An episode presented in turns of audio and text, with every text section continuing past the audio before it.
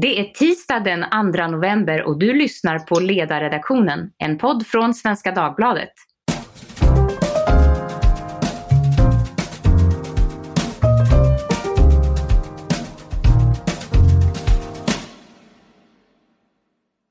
Jag heter Maria Ludvigsson och denna tisdag i läslåsveckan har jag bjudit in Christer Sturmark att tala om hans senaste bok Konsten att tänka klart som också är utgiven på Fri Tanke förlag.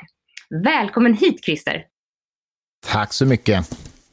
Du skriver tillsammans med en Douglas Hofstadter. Vem är det? Mm. Ja, det är min ungdoms eh, intellektuella guru. Eh, han är professor i kognitionsvetenskap i USA. Eh, han, han, jag läste en bok som han gav ut 1979 som heter Gödel Escher Bach och som är en sån här kultförklarad bok. Och den förändrade mitt liv verkligen för att den fick mig att välja datautbildning och matematik och filosofi som intresse. Och sen, ja, många, många, många år senare så kom vi att lära känna varandra helt enkelt och så skrev vi den här boken. Så fantastiskt. ja. Först vill man ju då veta varför ni skrev den här boken, det är den första frågan. Alltså, ambitionen med den här boken är ju att den ska i bästa fall höja immunförsvaret, förbättra immunförsvaret mot dumma idéer lite grann. Så att säga, va? Det är ju så att vi, vi har en massa kognitiva brister i, i vårt sätt att tänka och eh, det här är liksom en träningsbok i att bli lite mer va varse om dem om de bristerna och kanske undvika de, åtminstone de enklaste fällorna. och så där. Så jag, jag, jag, brukar tänka på att det är som när man liksom, eh, tränar för att träna upp sin kondition eller sin styrk, styrketräning eller vad man nu gör. Man behöver göra det med hjärnan också. Så det är ett gympass för hjärnan. Ja, i högsta grad. Jag håller med dig. Jag tycker att det har alldeles för mycket fokuserats på den fysiska kompetensen och att man ska hålla den i mm. trim. Mm. Och man tänker, talar ytterst sällan om att vi även har en hjärna som behöver uppmuntras och utvecklas. Precis. Och då kan man ju, varför, varför boken behövs behöver jag inte fråga det, därför att det är så uppenbart att i vår tid så finns det både irrläror och så mycket av relativism att man nog behöver lära sig, öva på att tänka lite rakare. Eh, mm, och det heter ju så. då att tänka klart. Så vad, vad är det att tänka klart för de som inte har läst boken? Jag menar ju egentligen två saker med det. Dels att tänka klart i motsatsen till att tänka grumligt. Eh, men det andra är också att tänka färdigt. Att liksom inte vara för snabb med att dra sina slutsatser. Att, att faktiskt bemöda sig om att ta in många perspektiv, mycket eh, fakta och, och, och, ta det lite lugnt innan man själv landar i vilken uppfattning eller åsikt man har eller, eller eh, för, vilka försanthållanden man har. Så att säga. Så jag menar både klart tänkande och ett, ett, lite långsamt, att ta sig tid så att säga. Va?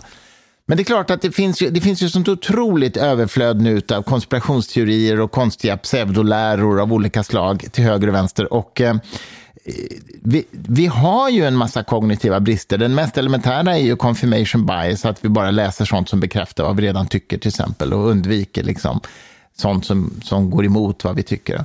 Det här som professor Dan Kahan i USA kallar för politically motivated reasoning och, och sådär. Och det, så det är sånt jag tar upp, kan man säga. Och även enkel logik tar jag upp. Hur drar man en logisk slutsats? Alltså det är ju verkligen en grundbok i den meningen. Du talar om det kognitiva, den kognitiva förmågan. För de som inte alltid umgås med den, den här vokabulären, vad skulle du, hur skulle du förenklat beskriva det? Vad är det man ska öva på eller kanske tänka på när man läser nyheter eller vad det kan vara? Ja, men med kognitiv förmåga eh, menar jag alltså vår förmåga att bedöma information, att, att samla in och värdera information. Kritiskt tänkande kan man kalla det också. Eh, det är det som behöver tränas upp. Och kritiskt tänkande betyder ju inte att man ska ifrågasätta allting, utan det betyder att man ska tänka själv, tänka självständigt, så att säga. Försöka göra sig oberoende av grupptryck eller flockmentalitet eller smala åsiktskorridorer eller vad det nu kan, kan vara för någonting. Du vet, ta bara en sån superenkelt exempel som det som man kallar för anchoring effekt inom psykologin. Att om jag, om jag frågar ett antal människor Tror du att Mahatma Gandhi blev 135 år gammal? Då kommer de säga, nej det tror jag verkligen inte. Okej, okay, hur gammal tror du att han blev då, säger man. Och då får man lite olika gissningar. Om man gör det på en grupp människor och sen en annan grupp människor så säger man bara så här, hur gammal tror du Mahatma Gandhi blev? Utan det där innan, då kommer den gruppen i medeltal gissa på en lägre ålder än de i den första gruppen där jag börjar med att säga att jag trodde han blev 135 år gammal. Och det är naturligtvis fullständigt ologiskt. bara för att man börjar med en hög och orimlig siffra så behöver man inte gissa högre på, på åldern, så att säga. Va? Men så funkar vi. Just det. Skulle man kunna säga att eh, om du börjar initialt säga vad han, tror ni att han blev 136 år, så, så tänker de att det här är en vederhäftig person. Men om någon jag vet inte vad, någon från gatan kommer in och säger den här Gandhi, han blev ju 136 och så ser han lite slirig ut. Har det betydelse för förtroendet för inlagan? Ja, det har det nog. Det har nog betydelse för förtroendet. Och det där är ju, det där är förstås ett enkelt exempel, men det, är ju, det har ju en koppling till dagens tycker jag, politiska samtalsklimat när det väldigt ofta är viktigare vem som säger någonting än vad som sägs. Eh, och det, jag tänker också detta med det kritiska tänkandet, det har ju varit populärt i decennier i svenska skolan. Men problemet mm. om man bara har kritiskt tänkande och inte någon riktig grundval att stå på, då är det väldigt svårt att vara kritisk. Eh, så för att komma in på frågan om svenska skolan då, du näm ni nämner den också i boken, att Eh, där allting, man skulle inte riktigt, alltså definitionen av kunskap var ganska flytande, så att det inte fanns någon absolut kunskap som var viktigare än annan, utan mm.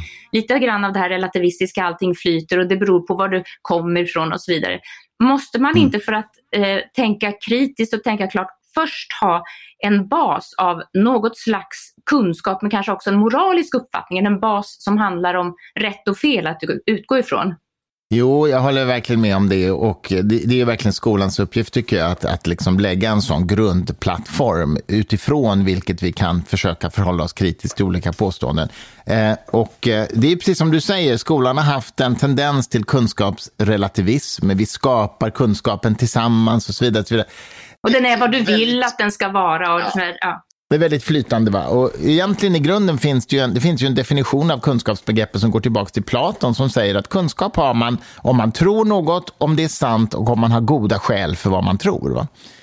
Eh, och det, det, det, jag tycker det är så intressant, för det visar ju också att den här falska motsatsförhållandet mellan tro och vetande inte gäller. Därför det är faktiskt så att ehm, om, jag, om, om jag ska ha kunskap om att Paris ligger i Frankrike så måste jag faktiskt tro att Paris ligger i Frankrike. Ehm, jag, jag, har inte den kunskapen om jag inte tror det. Dessutom måste det vara sant. Och dessutom måste jag ha något gott skäl till att tro det, In, inte bara gissa. så att säga. Eh, så att tro något som är sant på goda grunder, det är det som är kunskap. Hur bra skulle du säga att svensk skola idag är på att lära oss att tänka rätt? Eller att lära oss att tänka överhuvudtaget? Ja, jag tycker det är stora brister. Va? Och, och framförallt så tror man ofta i skolan att kritiskt tänkande bara handlar om källkritik. Att liksom kunna skilja på en vederhäftig webbsida och en mindre vederhäftig. Men, men kritiskt tänkande är så väldigt mycket mer än så. Det är precis det jag skriver om i boken. Att förstå vilka kognitiva brister vi har och vara lite vaksam på det. Till exempel att vi är ganska dåliga på att bedöma sannolikheter. Till exempel. Om man bara förstår det så blir man lite mer försiktig. Eh, tror jag. Den typen av kognitiv träning saknas i skolan så vitt jag vet helt och hållet faktiskt. Vet du om man överhuvudtaget gör en distinktion mellan det som är vad ska säga, mer evidensbaserat, alltså bevis på någonting och att samtidigt hålla något för sant. Det, det finns ju många som eh, diskuterar, inte minst när man är inne i själva skoldebatten om friskolor och så vidare, så min sida då som tycker det är bra med friskolor möter ett ganska tufft motstånd mot en, en friskolemotståndare och de brukar nästan alltid mot våra argument ställa frågor, vad har du för evidens? Och det där är mm. svårt eftersom eh, anledningen till att jag är för friskolor är att jag tycker att det har ett värde i sig att man kan få välja och välja bort. Och det är egentligen mm. ingen faktauppgift utan det är mer en värdering. Nej. Det är en värdering. Hur, gör man, eh, hur kan man föra en politisk diskussion som får handla just om värderingar? Det, det saknas väldigt ofta i den politiska debatten idag. Nej, men alltså, grundproblemet tror jag är att man måste eller kunna skilja på fakta och värderingar. så att säga. Dels finns det en empiri. Det skulle, kunna, det skulle ju teoretiskt sett kunna finnas empiri som säger att barn i, i friskolor mår sämre eller barn i friskolor mår bättre. Och Det kan man ju säga att det är en slags empirisk grund. Sen kan man ju naturligtvis frågasätta hur de eh, studierna har gjorts och så vidare. Men om vi bara för enkelhetens skull antar att det finns sån empiri. Det är ju en sak, det är ju fakta. Sen kan man ju då ha en värderingsperspektiv på det här som inte handlar om fakta alls, utan vi anser att människor ska ha rätt att välja eller vi anser att av något skäl att man inte ska ha rätt att välja. Och det är värderingar. Och, och jag tror att man i den politiska diskussionen måste vara mycket tydligare med skillnaden mellan fakta och, och värdering. Ja, och att man tillåter sig att vara värderingsburen. Att jag hörde senaste ja. partiledardebatten så var det eh, Dadgostar där som var väldigt kritisk till friskolor återigen då. Eh, men hennes argumentation var alls inte eh, ideologisk. Hon hade mycket väl kunnat hämta hem ett vänsterpoäng och förklara att hon tycker det är mer rätt att staten styr över detta därför att utfallet blir bättre enligt henne. Men mm. hon kom bara med exempel på statistik, vad kostar det, eh, hur många står i kö. Alltså, en helt an mm. annan sorts information än den faktiska mm. som kan bygga på övertygelse. Varför blir det så? Ja, men det beror, det beror ju på att, för det första beror det på, tror jag, att människor är generellt då eh, ganska okunniga om kunskapsteori överhuvudtaget. Vad är kunskap? Vad är sanningsbegreppet för någonting? Liksom? Det finns någon slentrianmässig uppfattning om att jag har min sanning och du har din sanning. Och då, då menar jag, då vet man inte vad sanningsbegreppet egentligen betyder. Sanning är en egenskap hos verkligheten. Sanning är oberoende av vad du och jag tror om saken.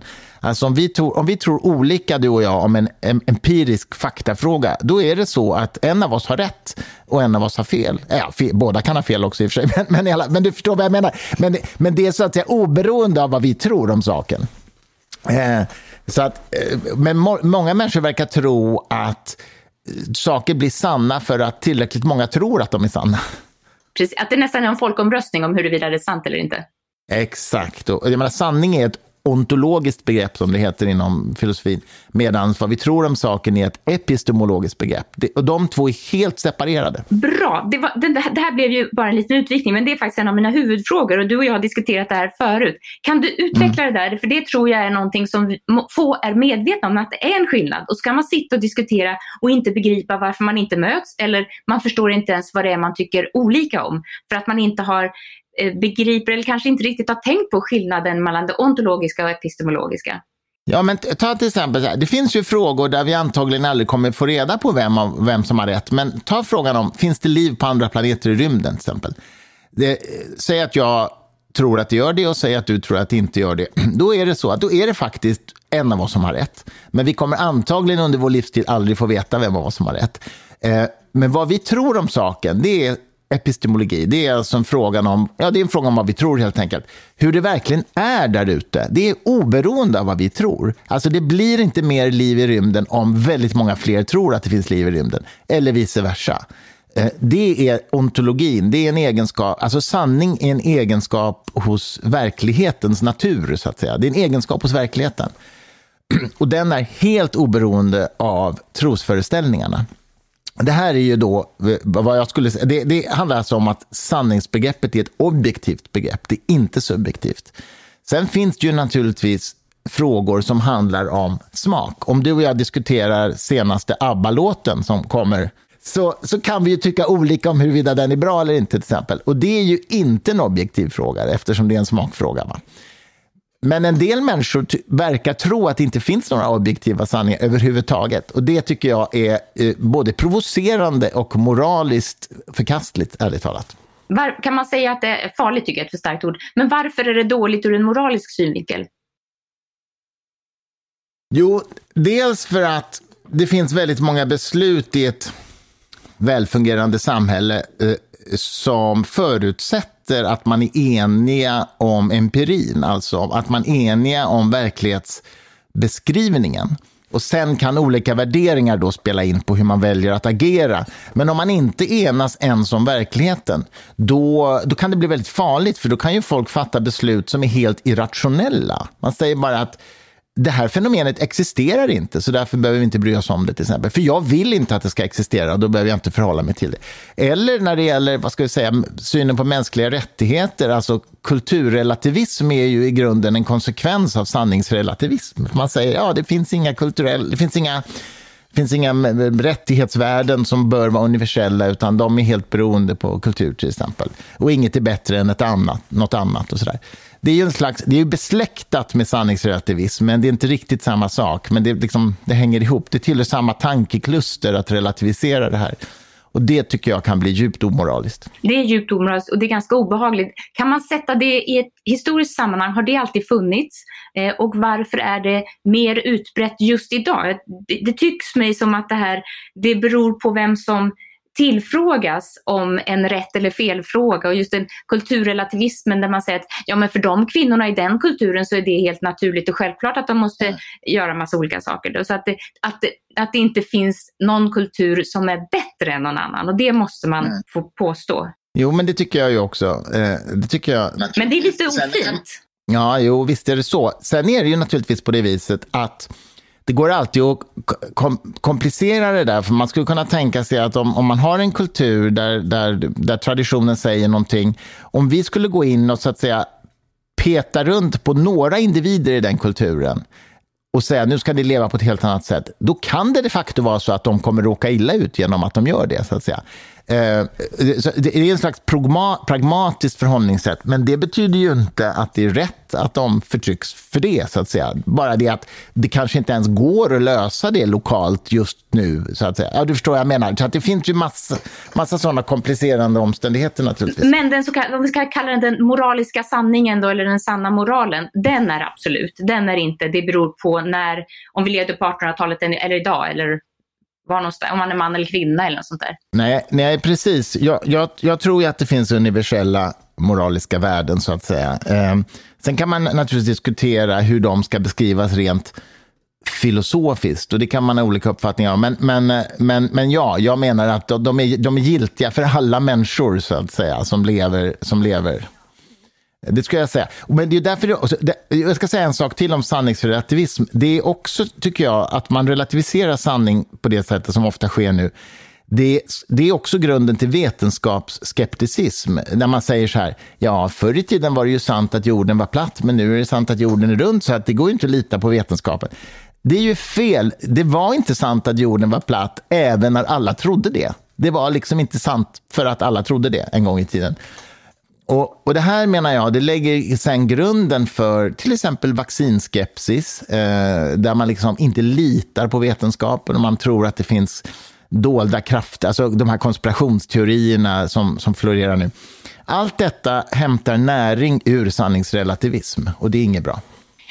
Det här som har blivit inbilliga med allt mer populärt med Quanon och eh, de skeptikerna till både vaccin och allt möjligt som kommer från det medicinska var mm. kommer mm. det därifrån? Har det någonting med den här relativismen att göra? Att om det ändå inte finns något som är sant så, så kan jag ju själv hitta på vad jag trivs med och tror på. Ja, jag tror att det är en faktor som spelar in. Sen tror jag också att det finns en massa, vad ska vi säga, konspirationsteorier i omlopp kring Big Pharma och att liksom medicinbolagen är ute efter, de har en agenda och sådär. Det finns ju naturligtvis väldigt många olika former av vaccinskepsis. En del är mer foliehattar än andra, så att säga. Jag, jag, jag, menar, jag kan ju förstå att människor kan vara vaccinskeptiska på, på ren okunskap. Man kommer ihåg liksom vad som hände med svin, eh, svininfluensavaccinet. Man vet, förstår inte vad det här är för, för, vaccin som har kommit nu. Det är ju faktiskt ett vaccin som är mycket säkrare än tidigare eh, sorters vaccin för att det är framtaget på ett annat sätt. Och så, och så, det, alltså, så att en form av vaccinskepsis handlar så att säga bara om okunskap. Men andra former handlar om, de är mer paranoida.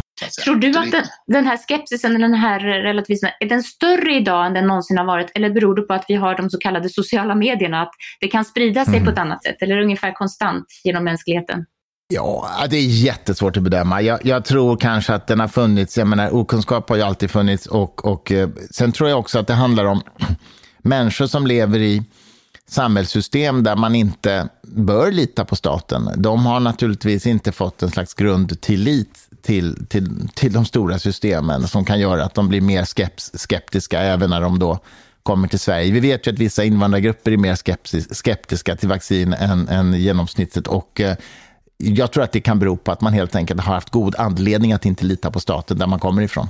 Ja, precis. Apropå när vi är inne på det här med sant och falskt. Dagens Nyheter och Svenska Dagbladet skulle förra valrörelsen eh, prova på att leda i bevis vad som var sant och fel i den politiska debatten. Och det där blev ju lite knöligt. Det var, jag tycker det var, det var en idiotisk idé från början, därför att det säger att journalister ska kunna sitta, sitta inne med en sorts sanning. Men ambitionen, just detta att syna värderingsutsagor och säga om det är falskt eller om det är sant eller fel och om man bluffar eller inte, går det överhuvudtaget? Det går ju inte med värderingsutsagor, men det går ju med empiriska utsagor. Men det betyder ju naturligtvis inte att det är lätt att göra det. Det finns ju empiriska utsagor som kan, som kan vara vad ska vi säga, vilseledande även om de är statistiskt korrekta, till exempel för att man har gjort ett urval, till exempel man har valt ett visst antal år som man tittar på, som ger en vilseledande bild jämfört med om man tittar på helheten till exempel. Och det är fortfarande inte sakfel. Så att det, det är ju ingen enkel materia detta såklart. Men när det gäller värderingar så, så är det klart att det går inte att göra en sån granskning alls. Vad säger du om själva tilltaget, att ha som ambition att visa sanningen som DN har varit inne på även efter detta? Ja, men alltså det, det är klart, när vi har sådana politiker som, um, som Trump, som vi hade, så, så är det klart att det finns... Alltså, han hade ju ingen respekt för sanning överhuvudtaget. Va? Den var ju liksom irrelevant. Den var inte alls vidkommande för honom. Nej, men precis. Så då, jag kan förstå den journalistiska impulsen. Det är väl naturligtvis jättebra om man försöker granska i alla fall fa faktabasen för påståenden. Det, det tycker jag nog är rimligt. Du skriver i boken att vad som behövs, tror jag, är en uppvärdering av upplysningens värderingar och idéer. tycker jag var, det var snyggt. Vilka är dessa värderingar och idéer? Ja, det kan man ju naturligtvis prata jättemycket om, men, men jag, jag, tänker att dels är det ju en idé om universella mänskliga rättigheter, att det finns vissa grundläggande rättigheter som ska gälla, gälla för alla och som inte är moraliskt relativa liksom, till kultur och sådär. Är det naturrätt kan man säga, eller? Ja, det kan man. Mm, det, det, det, finns ju olika filosofiska skolor för det, eh, förvisso. Va? Det finns ju det finns ju filosofer som menar att det finns objektivt, moral, objektivt moraliska sanningar, så att säga. Andra säger att de, är inte, de existerar inte i den meningen, men de kan vara en produkt utav, utav vår utveckling, utav vår evolution och så vidare. Så det finns lite olika skolor, men jag tycker inte det spelar så stor roll, för själva idén med upplysningen var ändå att det finns universella principer som vi, oavsett om de finns i, i, i naturen eller om vi skapar dem tillsammans, så ska de i alla fall gälla för alla på lika villkor. Jag menar, det är väldigt grundläggande, frihet, jämlikhet, broderskap, eh, som den franska revolutionen eh, hade som idéer. Eh, och sen då, eh, så som jag ser också, det sekulära projektet, nämligen att vi ska ha vi ska skapa ett samhälle där alla livsåskådningar samexisterar på lika villkor, har samma rätt att komma till uttryck, ingen prioriteras före någon annan och sådär. Och det är de värderingarna framförallt som du efter, att man så att säga, man borde uppvärdera dem igen och dra dem i skolan och tala om dem oftare. Ja, just det. Och sen menar jag också då tilltro till förnuftet. Alltså förnuftet är ju verkligen inte perfekt, men det är, det är den bästa metoden vi har för att liksom, processa information eller söka kunskap med en vetenskaplig metod. Och så där. Det betyder absolut inte att den är perfekt eller, eller felfri, men alternativen är sämre, skulle jag säga. Mm. Just Eh, resonemang tycker jag är väldigt svårt att få gehör för. Det är som att det inte riktigt stämmer in i vår tid eller med vårt kynne just nu. Eh, om man skulle av en politiker be om ett svar som inte var forskning visar eller vår statistik säger eller verkligheten ser ut så här, därför måste vi reagera på detta viset. Men som sa, hur kan du komma fram till exempelvis att det vore bättre med ett lägre skattetryck? Skulle de kunna resonera sig fram till det genom förnuftet? Nej, det tror jag inte, eftersom det, det har ju med värderingar att göra också. Och värderingar är ju i den meningen oberoende av förnuftet. Man kan helt enkelt, det finns alltid en målkonflikt, eh, flera målkonflikter, och då är det värderingarna som avgör hur man ska prioritera det. Det är inte en rationell process i den meningen. Den är ju inte irrationell heller, ska man komma ihåg, men den är inte rationell. Men det, det jag far efter är detta att man via, med tankens förmåga kan nå fram till någonting som man inte kan genom statistik. Alltså att det har ett värde i sig att kunna resonera med någon, vad ska jag säga, vara i en debatt och vilja klara av den utan att dra in några som helst eh, siffror eller forskning visar, utan givet att vi tycker de här två sakerna är rätt och viktiga så kan jag komma fram till det här med ett förnuftsresonemang. Jo, men jag tänker nog, jag tänker nog så här att ett politiskt förnuftigt resonerande eh, behöver ju grunda sig i någon typ av fakta och ovanpå det så kommer värderingarna. Eh, jag tror inte att man kan så att säga, fatta beslut utan att ta hänsyn till fakta överhuvudtaget. Så att säga. Eh, men det räcker inte att ta hänsyn till fakta, utan man behöver båda de delarna. Eh, det är så jag skiljer på rationalitet och förnuft. Rationalitet är en mekanisk process, tycker jag, som bara handlar om att dra logiska slutsatser från premisser. Och en rationell slutsats, det är, en, en, det är när man drar en slutsats som måste vara sann, givet att premisserna är sanna. Men det räcker inte. Sen behöver man det jag kallar för förnuft, eh, eller vishet om man så vill. Och där, bak, där bakar man in även värderingsfaktorer, så att säga, i sitt resonemang. Just det, att de, och de får vara där och de är legitima. Ja, verkligen. Högsta grad. Det är inte trams. Eh, jo, men de här motkrafterna då som, som man kan hoppas på mot det irrationella, mot irrlärorna. Var finns de bästa av de krafterna? Är det på universiteten eller är det media eller kultur eller skönlitteratur, mm. konsten? Oj, oj, oj. Ja, ja, de... Eller hos Christer Sturmark. jag försöker dra ett litet strå till stacken med den här boken, men det kommer inte att räcka såklart. Utan, ehm, eh, jag tror ju, för det första tror jag att bildning är bra för människan. Jag tror att människan faktiskt förädlar sitt tänkande genom bildning. Och det är ju då både skönlitteratur, konst och musik och facklitteratur. Jag jobbar ju med facklitteratur som du vet eh, som, som bokförläggare, så jag slår ju ett slag för facklitteraturen. Va? Att faktiskt bekanta sig med världen genom både naturvetenskaplig och samhällsvetenskaplig forskning. Och då menar jag inte bara statistik och fakta, utan faktiskt försöka förstå hur vår hjärna fungerar. Hur vi, försöka, ja, det finns många exempel. Ehm, jag tror att det, jag tror att det förädlar oss som människor. Jag tror att vi tänker lite klarare om vi, om vi bildar oss, helt enkelt. Jag hörde en mycket bra föreläsning om just bildningsidealet av Anders Pilz, som var den sista mm. professorn i latin i Lund. Eh, han gjorde det på ett enastående bildat vis och där fick jag en känsla för att bildning inte bara är att läsa böcker utan det, idealen är också att man ska bli bättre som person. Inte bara ja, för det exakt. allmännas nytta utan också för att man kan bli bättre som människa. Mm. Man kan bli en godare upplaga, eller en bättre upplaga av sig själv. Det där är Absolut, jag tror ja, det. Ja. Om man skulle översätta det till en eh, lite mer modern språkdräkt, vad skulle man säga bildningar då? Därför att idag är det nästan för, ett förlorat begrepp. Men det finns ju mycket av det här, du ska utveckla ditt inre, du ska gå på yoga och du ska liksom, ja, på olika sätt ja, göra dig själv bättre. Det är inte bildning. Nej, exakt. Så vad skulle man säga idag? Vi har ju läslovsvecka och vi försöker väl på något sätt, men det, det är liksom inte riktigt. Vi hade den tidiga bildningsrörelsen när man för sin egen eh, självkänslas skull, för sin egen resnings skull så skulle man läsa och man liksom förkovra sig. Det hade ett värde i sig. Inte bara att med detta mm. når du högre lön, utan det är värde i sig att bli lite större. Ja, nej, men jag tror verkligen det. Och, och grejen är så här, jag tror inte det finns en lösning. Jag tror man måste jobba på otroligt många fronter. Jag, menar, jag, jag, jag försöker göra det genom att ge ut facklitteratur, men, men, men eh, häromdagen åt jag middag med artisten Danny Saucedo som, som vill, som vill eh, som vill sprida vetenskapsintresse genom sin nästa show som han ska göra till exempel. Och han når ju en målgrupp som jag inte når överhuvudtaget. Va?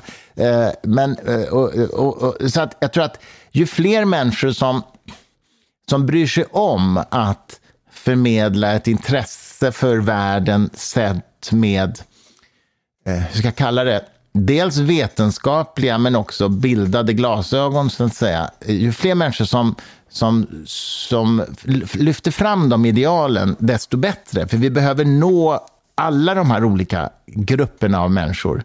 Det, det, det, menar, en artist som kan vara förebild för unga människor kan göra ett fantastiskt jobb som jag aldrig skulle kunna göra med min bok till exempel. Så det, ja, jag tror du förstår vad jag menar. Vi måste jobba på många fronter. Mm. Jag förstår precis. Det här blir en mycket bra avrundning. För jag tänkte nämligen fråga dig, apropå Danny, då tänkte jag fråga dig, varför ville du bli popmusiker en gång i tiden? var det för att sprida vetenskapen oj, oj, oj. kanske?